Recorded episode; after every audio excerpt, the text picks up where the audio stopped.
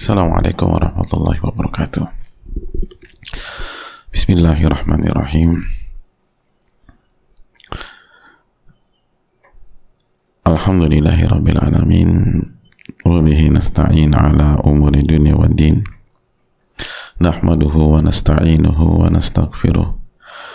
Wa na'udhu min syururi anfusina. Wa min sayyiati a'malina. من يهده الله فلا مضل له ومن يضلل فلا هادي له.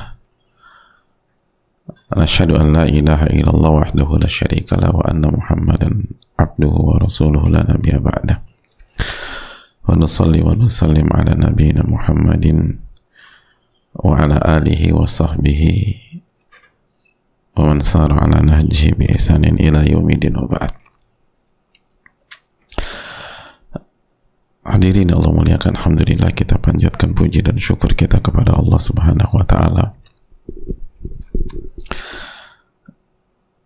Atas segala nikmat dan karunia Allah berikan dan Allah limpahkan kepada kita nikmat umur nikmat nyawa jemaah.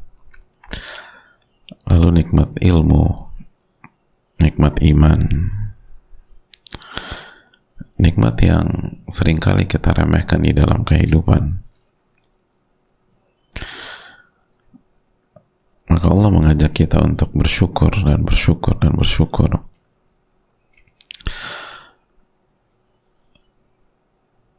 Khususnya pada kondisi-kondisi seperti ini maka bersyukurlah kepada Allah subhanahu wa ta'ala ketika kita masih bisa diberi atau bisa menikmati nyawa kita uh, kesehatan kita. Dan khususnya ilmu dan iman kita. Ilmu dan iman itulah yang akan membuat kita bahagia di dunia maupun di akhirat.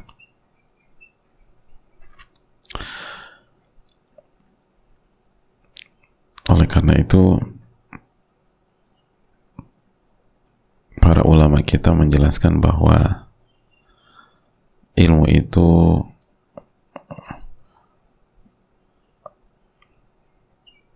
penghibur dan pelipur lara orang-orang yang sedih. Karena jika ilmunya bermanfaat dia akan bisa tetap sabar bahkan ridho dengan di tengah-tengah puing-puing musibah. Maka ini yang kita butuhkan hadirin ilmu yang bermanfaat sebagaimana dikatakan Imam Ash-Syafi'i rahimahullah. Al ilmu ma wa laysa ilmu itu yang bermanfaat bukan yang sekedar dihafal. Walaupun hafalan itu penting. Maka bersyukurlah kepada Allah tabaraka wa ta'ala ketika kita diberikan ilmu yang bermanfaat dan selalu minta kepada Allah Allahumma inna nas'aluka ilman nafi'an wa na'udzubika min ilmin la yanfa. Ya Allah berikanlah kami ilmu yang bermanfaat. Dan lindungilah kami dari ilmu yang tidak bermanfaat. Sebagaimana berkuat syahadatin kita tauhid kita, iman kita dan komitmen kita sebagai umat Rasulullah SAW dalam mengikuti dan meneladani beliau Sallallahu Alaihi Wasallam lalu selalu berselawat dan mengucapkan salam kepada Nabi kita Sayyidina Muhammadin alaihi salatu wassalam beserta para keluarga beliau, para sahabat dan orang-orang yang istiqomah berjalan di bawah naungan sunnah beliau sampai hari kiamat kelak.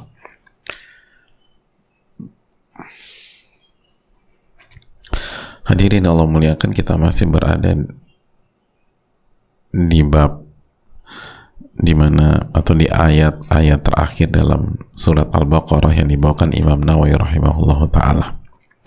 Semoga Allah merahmati beliau, keluarga beliau dan seluruh kaum muslimin. Amin ya rabbal alamin. Setelah kita menjelaskan bagaimana orang-orang beriman itu merasa berat ketika Allah Subhanahu wa taala berfirman di dalam ayat yang ke-284 wa in tubdu ma fi anfusikum aw tukhfuhu yuhasibukum bihillah. Dan apabila kalian perlihatkan apa yang ada dalam diri hati kalian atau kalian sembunyikan maka Allah akan hisap semuanya mereka datang ke Rasulullah SAW lalu Nabi bertanya apakah kalian hendak mengatakan apa yang dikatakan oleh umat atau ahlul uh, yang diberikan dua kitab suci sebelum kalian oleh Allah Subhanahu wa taala. Sami'na wa asaina, kami dengar lalu kami maksiati. Katakanlah sami'na wa ata'na ghufranaka rabbana wa ilaikal masir. Tolong ucapkan sami'na wa ata'na. Lalu mohon ampun kepada Allah. Gufranaka Rabbana wa ilaikal masir dan hanya kepada engkau lah kami kembali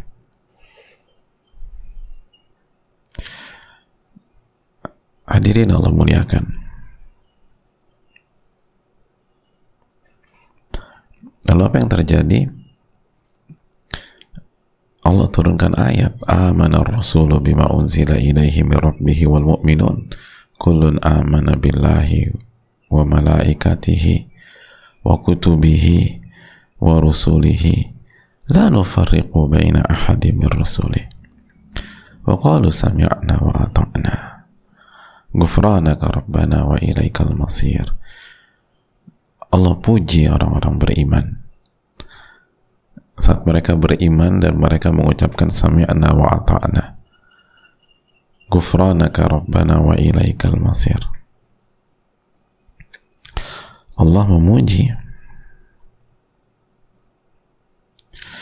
Nah hadirin Allah muliakan. Setelah Allah puji,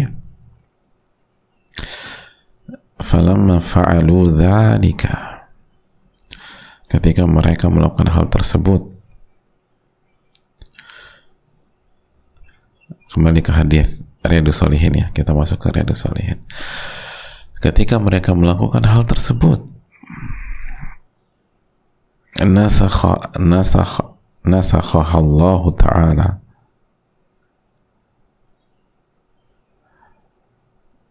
فأنزل الله عز وجل نسخها الله تعالى فأنزل الله عز وجل Allah menasakh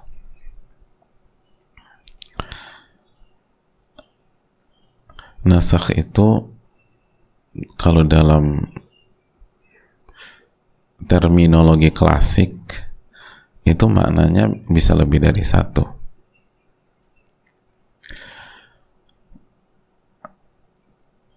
bisa menghapus, bisa mengkhususkan, bisa membatasi gitu jemaah.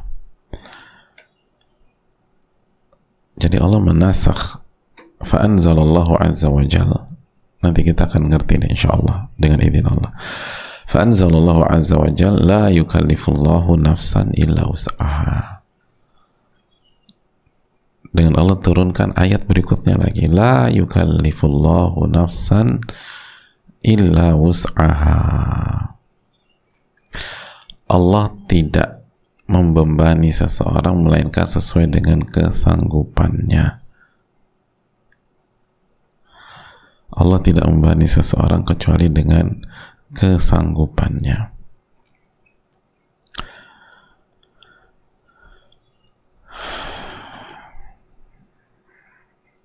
Hadirin Allah muliakan. Jadi Allah tidak membebankan seseorang kecuali kesanggupannya.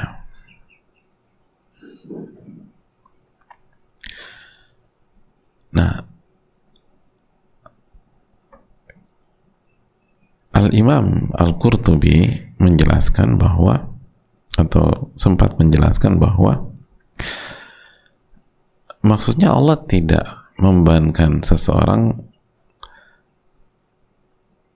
baik dalam ibadah ataupun sesuatu yang lain. Illa usaha kecuali sesuai dengan kesanggupannya.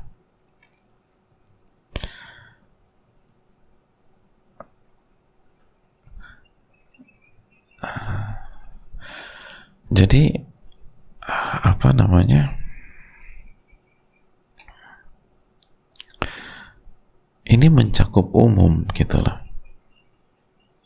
Allah nggak membebankan apa pun kepada kita kecuali sesuai dengan kesanggupan kita.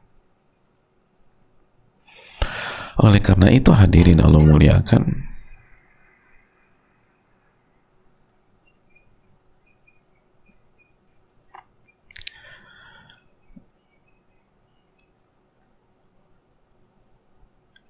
ulama menjelaskan di antara makna dari la yukallifullahu nafsan illa itu berkaitan dengan ayat 284 yang dikhawatirkan para sahabat tadi. Berkaitan dengan khawatiran para sahabat. Apa sih yang dikhawatirkan para sahabat? Apakah hadithun nafas pembicaraan dalam hati bisikan-bisikan syaitan dan semua hal-hal yang di hati itu yang kita sembunyikan semua dihisap sama Allah Subhanahu wa taala. Nah, hadirin Allah muliakan itu termasuk yang tidak atau di luar kemampuan kita. Makanya Abdullah bin Abbas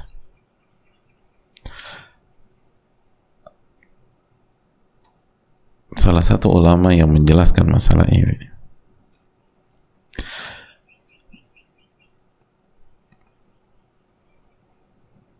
Dan para ulama yang lain. Dan bisa dicek dalam tafsir At-Tabari.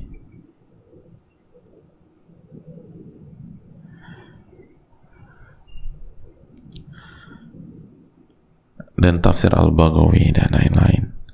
Bahwa hadithun nafas itu termasuk yang tidak bisa di uh, tidak bisa dikendalikan. Artinya di luar kemampuan kita. Di luar kemampuan kita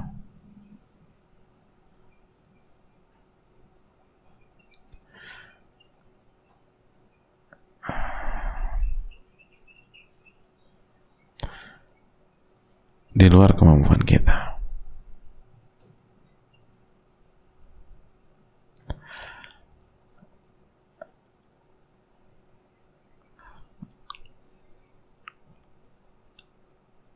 Jadi dengan turunnya ayat ini, kekhawatiran para sahabat itu insya Allah nggak akan terjadi. Karena hadithun nafas atau pembicaraan dalam hati was-was dalam hati.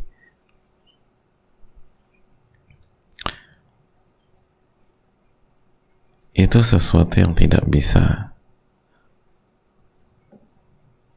atau di luar kemampuan kita untuk mencegahnya.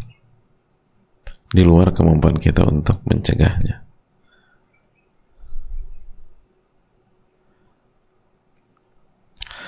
Makanya Syekh Uthaymin menjelaskan, mari kita simak. Contohnya adalah was-was syaitan yang menyerang hati atau bisikan-bisikan di dalam hati. Itu nggak bisa atau di luar kemampuan kita. Maka, simak, maka jika seseorang manusia ini penting, jika seorang manusia tidak.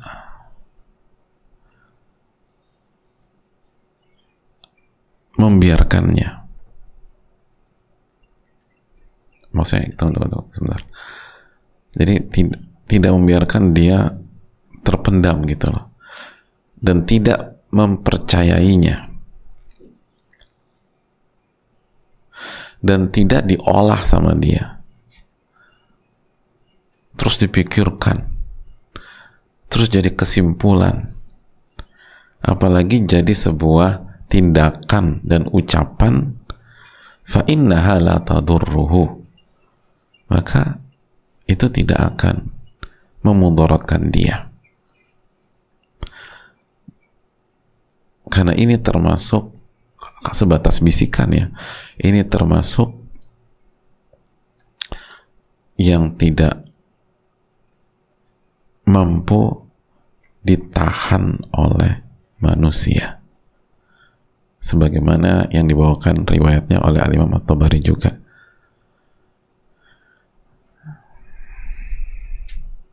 Jadi ketika syaitan membisikkan sesuatu yang buruk memberikan was-was sesuatu yang jahat yang keji maksiat segala macam lalu a'idha a'rada anha. Lalu manusia itu kita itu kita berpaling dari itu. Kita berpaling. Lalu kita minta perlindungan kepada Allah. Wasta'adha billahi minasyaitan minha zalat anhu. Maka dipastikan was-was itu akan hilang. Ah, itu. Atau hadithun nafas itu akan hilang dan separah apa pun bisikan syaitan tidak akan Allah permasalahkan lalu Allah hukum kita pada hari kiamat. Dan tidak akan memudaratkan kita. Seburuk apa pun bisikannya separah apa pun per, apa namanya godaannya asalkan itu kita tidak kita tidak biarkan dia menggerogoti hati kita. Kita berpaling. Kita tidak benarkan. Kita tidak olah. Kita tidak pikirkan terus gitu ya. Apalagi kita ucapkan dan kita jadikan sebuah tindakan. Selama itu kita tidak lakukan. Aman karena itu termasuk la yukallifullahu nafsan illa usaha Allah tidak membebankan seseorang kecuali sesuai dengan kesanggupannya. Kita nggak bisa nolak was-was tersebut ketika menyerang. Tapi kita bisa acuhkan. Kita bisa cueki. Kita bisa mengucapkan a'udzubillahi minasyaitonir rajim kita bisa berzikir kepada Allah. Kita bisa berdoa kepada Allah.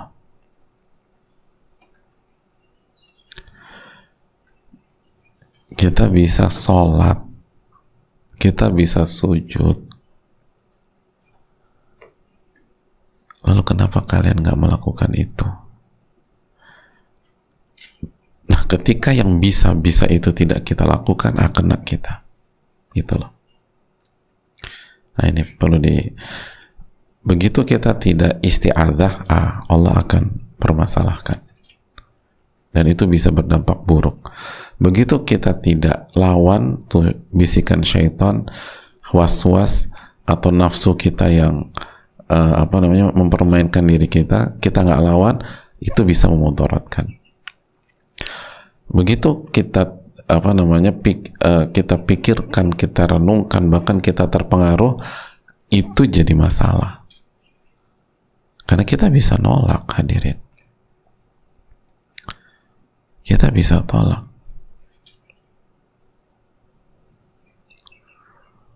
Kita bisa tolak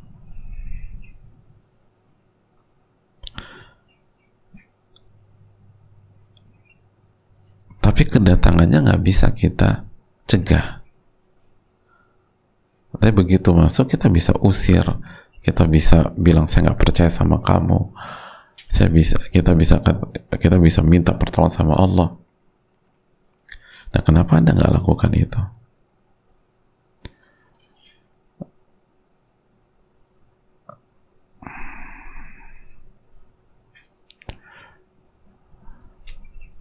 gitu loh hadirin.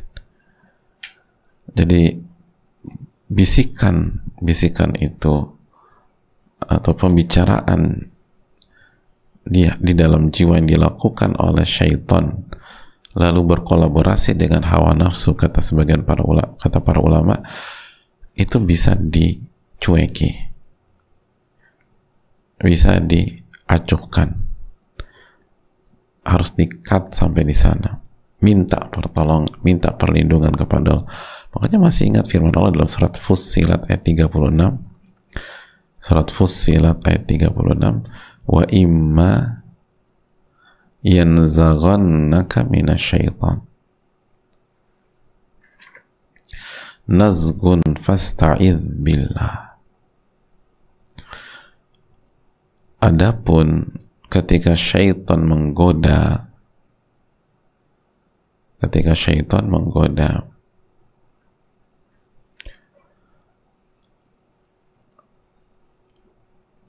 Dengan sebuah godaan. Apa kata Allah? Fasta'id billah.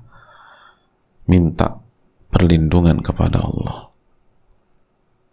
Innahu was-sami'ul alim. Sesungguhnya Allah maha mendengar dan maha mengetahui. Begitu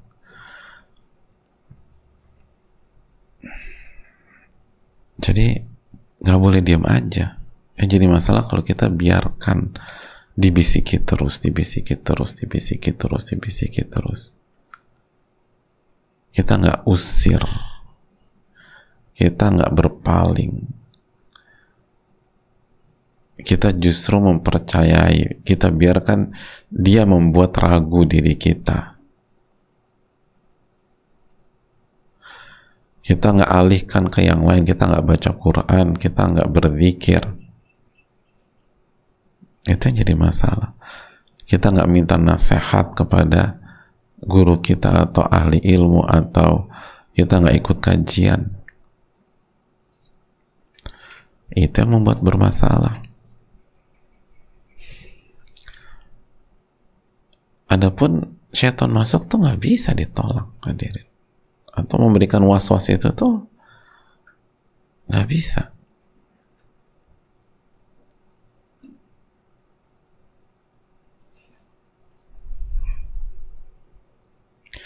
Makanya para ulama membedakan antara hadithun nafas eh, bisikan-bisikan dalam hati dengan tekad itulah dengan azam dengan ham gitu. Kalau tekad itu dipermasalahkan hadirin. Kalau salah. Tetap niat gitu kan ya. Pokoknya kan kalau niatnya salah ria bisa. Padahal itu kita nggak pernah ucapkan. Karena udah jadi tekad. Tapi kalau hanya bisikan ayo pamer lo ayo lo perlu misalnya syaitannya bilang e, ayo cari panggung. Lakukan itu biar dipuji. Itu nggak bisa di itu itu di luar kemampuan kita. Tapi kita bisa bilang enggak. Ibadah harus ikhlas. Ibadah itu harus cari ridho Allah. Itu aman. Tapi kalau udah jadi tekad ya pokoknya aku nyumbang biar dipuji orang. Udah jadi tekad nih. Ah jatuh ke syirik itu akhwafu ma akhwafu alaikum asyirkul asqar kata Nabi. Yang paling aku khawatirkan menimpa kalian itu syirik kecil. Apa yang masuk syirik kecil? Arya riya. Memperlihatkan amalan dengan niat niat loh agar dipuji oleh manusia.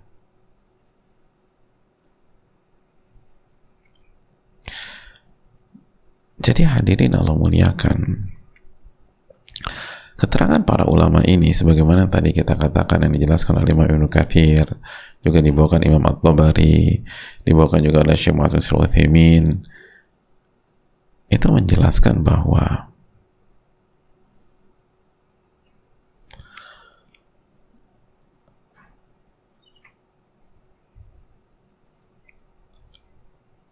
was-was yang menyerang bisikan hati yang menyerang itu di luar kemampuan kita.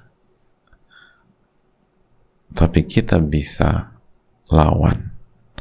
kita bisa beristiadah kepada Allah kita bisa perangi al-mujahid manjahada nafsahu fi ta'atillah orang yang berjihad kata Nabi SAW orang yang melawan dirinya maksudnya hawa nafsu itu dan bisikan-bisikan itu agar tetap berada di ketaatan. Itu bisa. Dan ketika kita nggak lakukan berarti kita kena hadirin.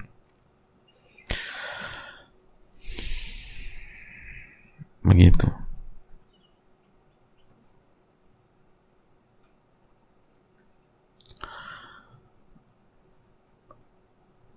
Jelas jamaah ya.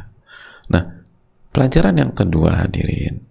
Lihat bagaimana tiga ayat ini mengajarkan kita sahabat berat. Terus kata Nabi SAW eh sami nawa atona dulu. Kalau nggak mampu kalau salah istighfar. Akhirnya mereka lakukan turun ayat. Lalu turun ayat lagi la yukalifullahu nafsan illa usaha akhirnya Allah dudukan kan permasalahannya enggak yang kalian khawatirkan itu aman yang kalian khawatirkan dari hadithun nafas apa namanya was-was itu di luar kemampuan kalian yang aku minta itu sesuai dengan kemampuan kalian saja. Jadi ini pelajaran besar bagi kita hadirin. Kalau ada perintah, kalau ada larang, udah bismillah dulu.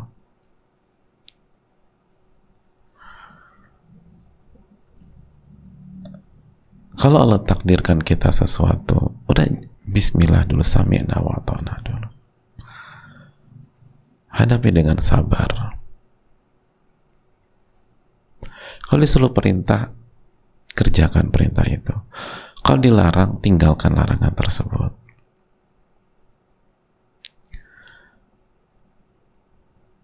Ini kan alurnya gitu. Ketika para saat bilang, aduh berat, ternyata nggak seperti yang mereka duga. Setelah itu Allah jelaskan. Nah itu kan memang tabiat manusia ya yang apa namanya menyimpulkan berat itu di awal sering kali. Aduh aku nggak bisa nih. Tapi sebenarnya ketika dia jalani dia bisa. Aku nggak sanggup. Tapi setelah dijalani sanggup.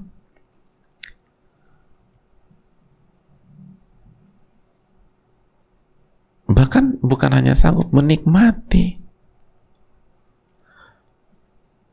bahkan tidak hanya betah gitu betah ada banyak anak yang mau masuk pondok bila ngerayu orang tuanya aku nggak bisa bu. Aku nggak bisa ya. Aku nggak bisa hidup kayak begini. Kata orang tua udah tawakal kepada Allah. Pas apa pas diantar ke pondok nangis anaknya. Terus ini untuk kebaikan kamu nah eh minggu pertama minggu kedua nelfon nangis minta dijenguk tiap hari. Nggak bisa tiap pekan terus terus terus. Eh sebulan dua bulan senang di pondok. Senang di pondok. Tiga bulan empat bulan betah. Eh pas orang tuanya datang nanya ibu kenapa datang ke sini sih? Udah doain aku aja di rumah gitu katanya. Jadi dan itu kasus banyak tentu saja tentu saja jamaah memasukkan ke pondok itu dengan meminta pertolongan kepada Allah dan perhitungan yang matang jadi contoh ini nggak bisa untuk semua kasus.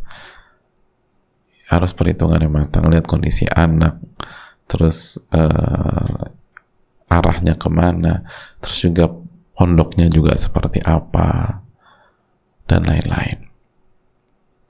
Tapi ini hanya sebagai contoh bahwa sering kali kita itu nolak nolak duluan dan merasa berat duluan. Padahal kalau kita jalani itu dengan terus minta pertolongan sama Allah dan menjalankan perintah dan dan menjauhi larangan Allah terus tidak keluar dari jalur ya insya Allah insya Allah itu hadirin.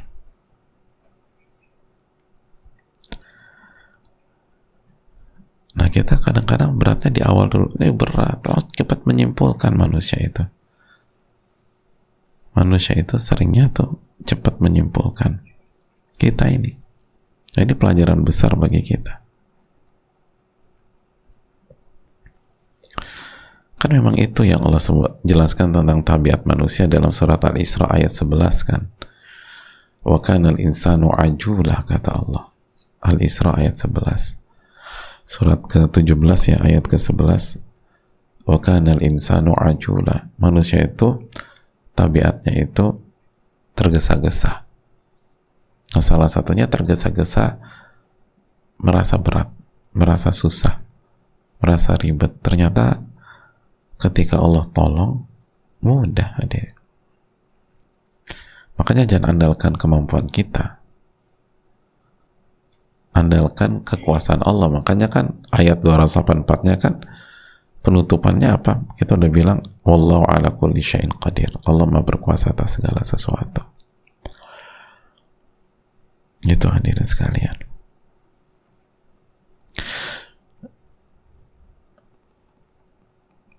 Terus yang terakhir hadirin yang bisa kita bahas dengan segala keterbatasan kita. Para ulama juga menjelaskan ketika Allah berfirman la yukallifullahu nafsan illa usaha. Allah tidak membebankan seseorang kecuali dengan sesuai dengan kemampuannya. Ini juga berkaitan dengan perintah dan larangan.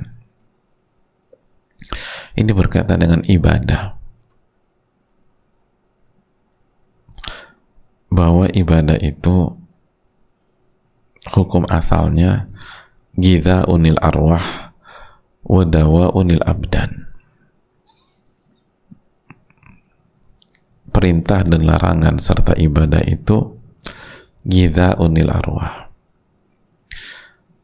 Uh, asupan gizi untuk ruh kita dan obat untuk jasmani serta badan kita. Wahamiyatun anid dorari dan pencegah dari keburukan-keburukan. Ini perlu kita ingat nih, perintah dan larangan ibadah itu gizi buat ruh kita. Dan bukan hanya ruh, obat untuk badan. Obat untuk badan. Dan pencegah dari keburukan. Makanya Allah perintahkan hamba-hambanya itu tidaklah Allah perintahkan kecuali rahmatan wa ihsana kata para ulama. Karena bentuk kasih sayang Allah dan karena Allah sangat baik kepada kita. Gitu. Ini bukan untuk meribetkan, tapi bentuk kasih sayang dan kebaikan. Oleh karena itu kata para ulama, jika dalam menjalaninya kita uh, mengalami kendala uzur syar'i sakit misalnya atau uh, safar misalnya, maka Allah Subhanahu wa taala memberikan opsi lain. Allah kurangi misalnya. Misalnya pas safar ada syariat qasar zuhur empat rakaat jadi dua rakaat. Atau digugurkan misalnya. Digugurkan.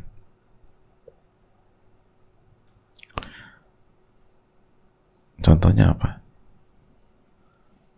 Misalnya sholat digugurkan bagi wanita haid dan nifas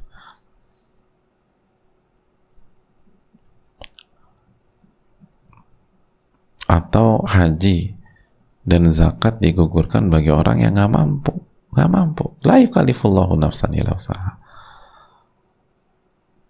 Allah tidak membebankan seseorang kecuali sesuai dengan kemampuannya. Jadi ada udur-udur yang membuat ibadah itu gugur. Ada udur-udur alasan-alasan syar'i. Seperti tadi. Itu semua untuk memudahkan kita dan untuk menjelaskan bahwa untuk menjelaskan bahwa nggak ada yang di luar kemampuan kita. Kalaupun dalam kondisi kita nggak mampu, bisa diganti opsi lain. Untuk diganti tayamum. Salat 4 rakaat jadi 2 rakaat. Qasar untuk zuhur isya. Eh, zuhur asar dan isya. Nggak wajib naik haji bagi yang nggak mampu. Nggak wajib bayar zakat bagi yang nggak mampu. Yang nggak masuk nisab. Atau sebelum haul sudah habis atau turun keluar dari turun dari nisab. Jadi la yukalifullahu nafsan illa usaha gitu hadirin. Jadi perintah dan larangan itu itu gizi kita gizi kita. Begitu juga perintah bersabar ketika kena musibah, ketika ada masalah, ketika sakit. Itu gizi kita hadirin. Gizinya ruh. Dan juga obat bagi badan. Makanya kan dokter juga bilang hadirin orang yang ridho ketika sakit itu itu akan menambah im, memperkuat imun. Iman itu memperkuat imun. Tanya aja sama para dokter. Dan kita yakin itu. Ulama kita udah bilang dari dulu Gida unil arwah wa adawa unil abadan gitu. Gizi bagi ruh dan obat bagi badan. Harus yakin itu perintah dan larangan itu demikian.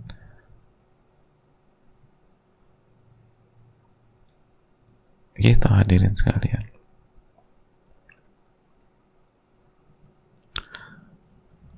Allah Ta'ala bisawab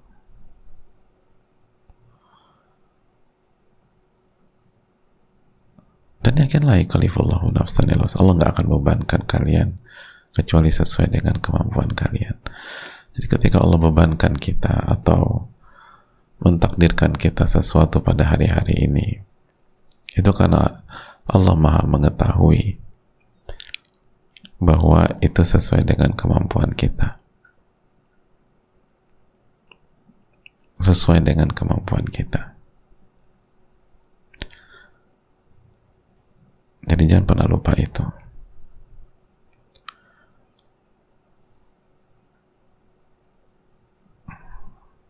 dan jangan mengatakan saya nggak sanggup ini bukan tentang kesanggupan ini tentang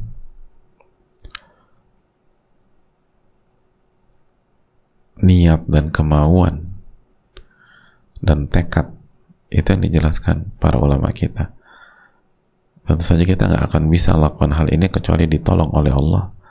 Semoga Allah tolong kita. La yukalifullahu nafsan illa usaha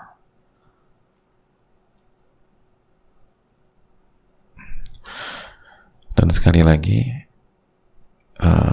bisikan-bisikan uh, syaitan itu akan datang dan kata para ulama nggak bisa dicegah tapi kita bisa lawan kita bisa hiraukan atau berpaling kita nggak kita bisa buat apa kita bisa pecah sebelum jadi mengkristal lalu buat kesimpulan dalam diri kita dan kita isti'adah minta perlindungan kepada Allah Subhanahu wa taala. Kita hadirin.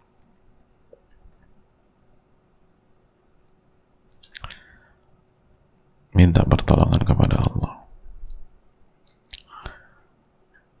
seperti itu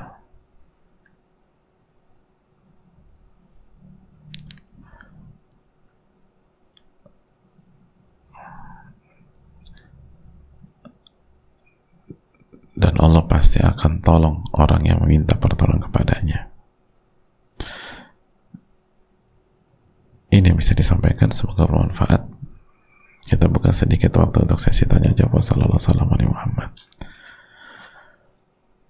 Assalamualaikum warahmatullahi wabarakatuh. Waalaikumsalam warahmatullahi wabarakatuh. Semoga Allah melindungi, memberkahi, memberikan rahmatnya kepada Imam Nawawi Amin ya. Ustadz, keluarga, tim, saudara muslim semuanya. Amin ya alamin. Begitu juga yang bertanya, izin bertanya, apakah konsep sami'na wa bisa diterapkan di dunia kerja? Misalnya pemimpin dalam mengambil keputusan, ada logika yang salah jika keputusan itu dijalankan. Karena berdasarkan pengalaman yang sudah terjadi, bagaimana menyikapinya? Syukuran jazakallah khairan. Cara menyikapinya pertama minta pertolongan kepada Allah Subhanahu wa taala. Lalu yang kedua, samina wa ini untuk Allah dan Rasulnya. Adapun untuk dunia kerja, kembali ke sabda Nabi SAW, al-muslimuna ala syurutihim. Muslim itu terikat dengan syarat-syarat yang sudah mereka sepakati. Kembali ke surat Al-Maidah ayat pertama, ya ayyuhalladzina amanu aufu bil uqud orang-orang beriman, pegang dan komitmenlah dengan akad kalian. Dan di antara akad yang kita sepakati, taat kepada pemimpin perusahaan tersebut atau pemimpin yang melit uh, tim kita atau diri kita. Tentu saja ini nggak mutlak karena Nabi SAW bersabda la ta'ata li makhlukin fi ma'asiyati khalik tidak ada ketaatan kepada makhluk jika bermaksiat kepada Allah jadi kalau pemimpin atau pemimpin perusahaan kita atau bos kita atau atasan kita mengajak atau membuat kebijakan yang bermaksiat, kita nggak boleh taat. La ta'ata li makhlukin fi maksiati khalik. Tidak ada ketaatan kepada makhluk jika bermaksiat. Dan kalau misalnya pemimpin itu apa uh, bos kita atau atasan kita salah, kita punya tanggung jawab untuk memberikan masukan, nasihat tentu saja dengan cara yang baik dan di secara umum kan itu terbuka. Jadi jangan diam aja karena suami nama atau anak enggak. Kan enggak ada beda kan. Kalau Allah nggak mungkin salah. Kalau manusia itu bisa salah. Jadi makanya dikaitkan dengan la ta'ata li makhlukin fi ma'siyati khaliq. Tidak ada ketaatan kepada makhluk jika bermaksiat kepada Allah. Lalu dikaitkan dengan hadis Nabi SAW la darar wala dirar tidak boleh memudaratkan diri sendiri atau orang lain. Jadi kalau kebijakan itu memudaratkan diri bos kita atau perusahaan secara umum ya perlu diingatkan. Karena bisa memberikan mudarat. Allah Ta'ala alam uh,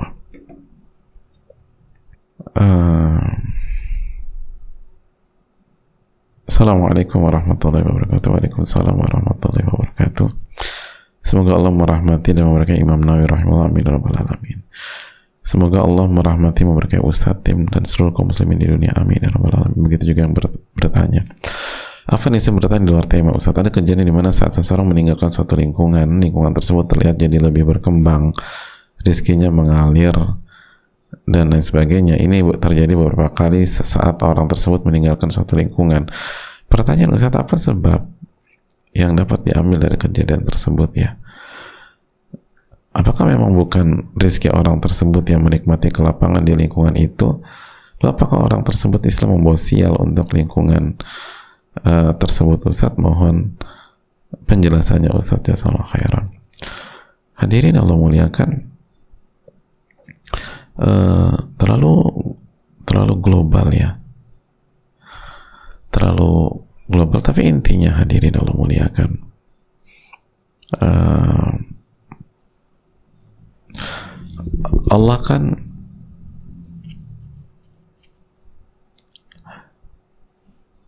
uh, membagi-bagikan rizki sesuai dengan karunia dan uh, kemahakuasaannya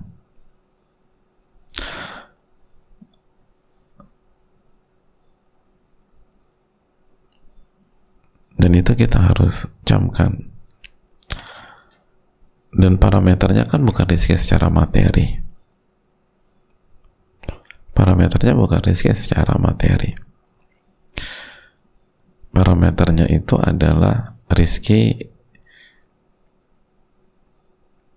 yang berupa surga. Ilmu yang bermanfaat. Iman. Amal soleh atau kalau materi materi yang berkah. Itu parameternya.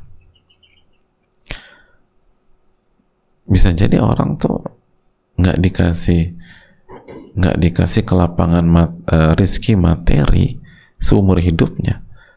Tapi apakah kita bisa mengatakan dia sial? Ternyata dia tuh salatnya khusyuk tenang. Rizkinya walaupun sedikit berkah justru dia orang beruntung hadirin dia orang yang beruntung. Dan kita jangan sampai uh, menjadikan atau meng, menjadikan rizki materi itu sebagai parameter menilai sesuatu. Enggak. Parameter menilai sesuatu itu dinilai dari iman dan ketakwaan seseorang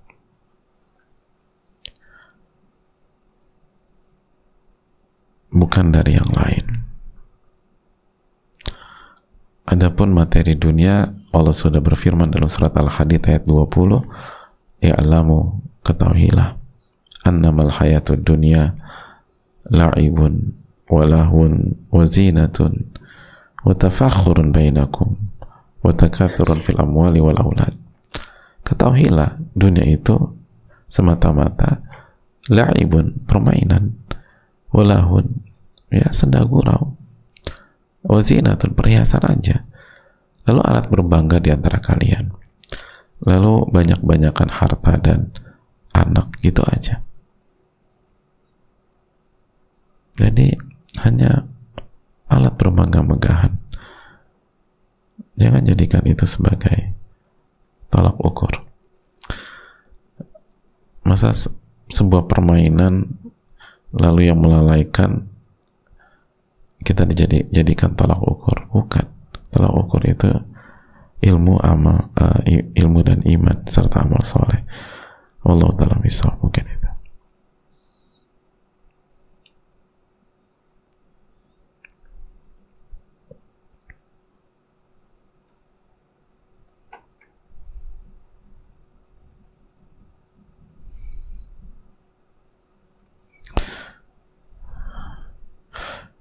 Assalamualaikum warahmatullahi wabarakatuh. Waalaikumsalam warahmatullahi wabarakatuh. Semoga Allah selalu melindungi dan memberkahi Imam Nawawi. Amin ya alamin. Ustaz, keluarga, tim dan seluruh kaum muslimin di mana pun berada. Amin ya alamin. Memberikan perlindungan dari wabah yang saat ini eh, wabah saat ini. Amin ya rabbal alamin. Dan semoga Allah mengangkat wabah ini serta mengampuni dosa-dosa kita. Amin ya rabbal alamin. Ustaz, mohon maaf saya masih bingung dengan pembicaraan hati ini dengan firasat yang kalau saya tidak salah pernah kita bahas di bab-bab sebelumnya Iya betul. Jika seperti permasalahan perasaan misalnya ada pembicaraan dalam hati bahwa ada hal buruk yang bakal menimpa seseorang walaupun menjadi kenyataan tapi kita tidak ungkapkan atau ketika akan memutuskan sesuatu condong ke suatu pilihan apakah itu berbeda? Syukron Ustaz Jasulullah khairan. Ya makasih. Ya yang dimaksud pembicaraan ini kan tadi was-was ya. Was-was syaitan yang ini kan yang ditakuti para sahabat. Jadi pembicaraan hati yang negatif. Pembicaraan hati yang negatif. Kalau yang positif mah semua juga senang ya. Semua nggak ada isu kalau yang positif. Tapi ini yang negatif yang berasal dari syaitan plus hawa nafsu. Gitu loh. Adapun intuisi itu kan uh, firasat itu yang apa uh, yang uh, feeling kita tentang hal yang uh, yang belum terjadi. Dan kita sudah jelaskan bahwa uh, intuisi atau firasat itu ada sebagaimana keyakinan ahlus sunnah wal jamaah. Dan akan tajam dengan kekuatan iman dan amal soleh iman dan amal soleh itu dijelaskan oleh para ulama seperti Syekh Saleh Al-Usaimi hafizahullah ta'ala dan para ulama yang lain. Uh, jadi itu itu itu hal.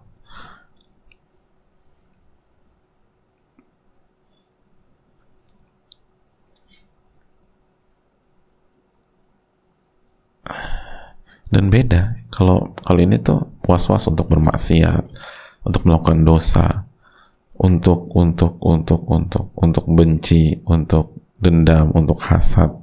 Itu semua was-was dari syaitan. Allah taala untuk suudon buruk sangka gitu gitulah Adapun memutuskan suatu condong ke satu pilihan beda bukan itu. Dan kalau kita lakukan eh kalau kita sudah lakukan istikharah kita lakukan istikharah ya. Lalu kita berusaha on track maka insya Allah itu arahan dari Allah subhanahu wa ta'ala. Mungkin itu. Makasih